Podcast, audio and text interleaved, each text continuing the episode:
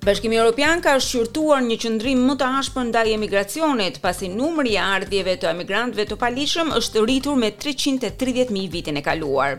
Por konsensusi mund të jetë i vështirë mes 27 vendeve anëtare, të cilat kanë propozuar mendime të ndryshme në lidhje me kontrollin e kufijve. Ndjekim raportin.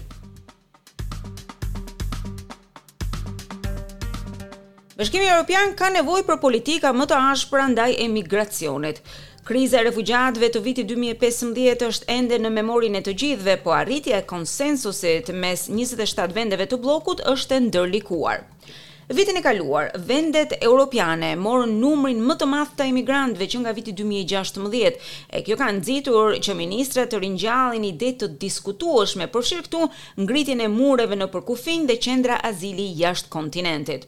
Komisionerja e Çështjeve të Brendshme të Bashkimit Europian, Ylva Johansson, thotë se sistemi është nën presion serioz.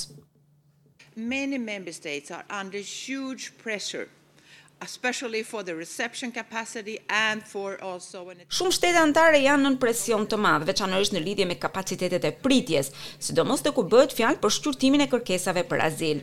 Njerëzit që vijnë këtu nuk kanë nevojë për mbrojtje ndërkombëtare, ata e përdorin mikpritjen tonë, aplikimin për azil, për të vonuar qëndrimin e tyre. Kjo do të thotë se shumë shtete anëtare janë nën presion. Ne presim katër milionë refugjatë ukrainas dhe mund të kuptoni se sa e vështirë është jeta në disa vende anëtare. Kjo vjen dhe për shkak se ardhjet e parregullta janë rritur në nivelin treqind e tridhjetë mijë vitin e kaluar dhe numri i kërkesave për azil ishte nëntëqind e njëzet e shtatë mijë. Zonja Johansson thotë se emigrantët pa të drejtë azili duhet të kthehen në vendin e tyre.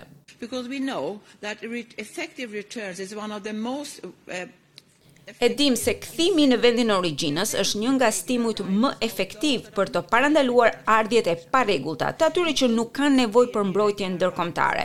Rritja e numrit të mbritjeve të parregullta ka ndodhur në ato vende ku ata persona nuk kanë nevojë për mbrojtje ndërkombëtare, kemi parë marokenë, egjiptianë, tunizianë, nga Bangladeshi, pakistanezë, turq, kubanë, indianë. Sigurisht, kthimet efektive të tyre kanë shumë rëndësi këtu, tha ajo.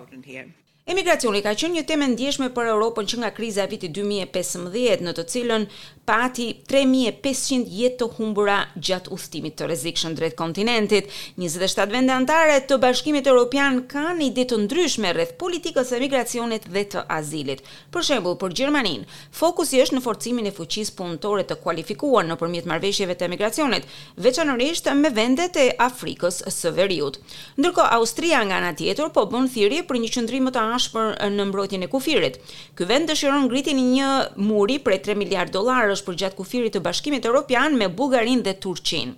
Greqia ka një mur të ngjashëm prej çeliku, pesë metra të lartë, në kufirin e saj me Turqinë, dhe ka plane për pothuajse dyfishimin e gjatësisë së tij, mes shqetësimeve për rritje të numrit të emigrantëve.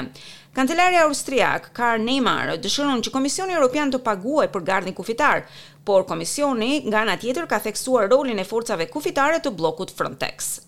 Ekzekutivi i ri për Forcat Kufitare Europiane Frontex, Hans Leijtens, javën e kaluar u zotua për të dhënë një transparencë më të madhe dhe për t'i dhënë një fund të praktikave të cilat do t'i kthenin refugjatët e vërtetë në vendin e tyre të origjinës.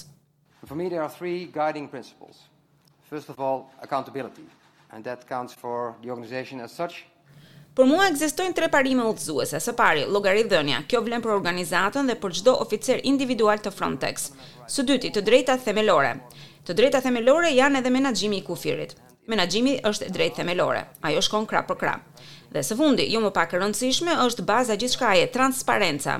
Ne duhet të tregojmë për të gjithë se çfarë jemi duke bërë. Lajmi vjen pasi Komisioneri Europian për Çështjet e Brendshme thotë se forca kufitare do të ishte një mjet shumë i dobishëm në rritjen e kthimeve aty ku është dhe e nevojshme. Bisedimet ministrore vijnë përpara një samiti të shkurtit të liderëve të Bashkimit Europian, të cilët pritet të diskutojnë më tej krizën e emigracionit.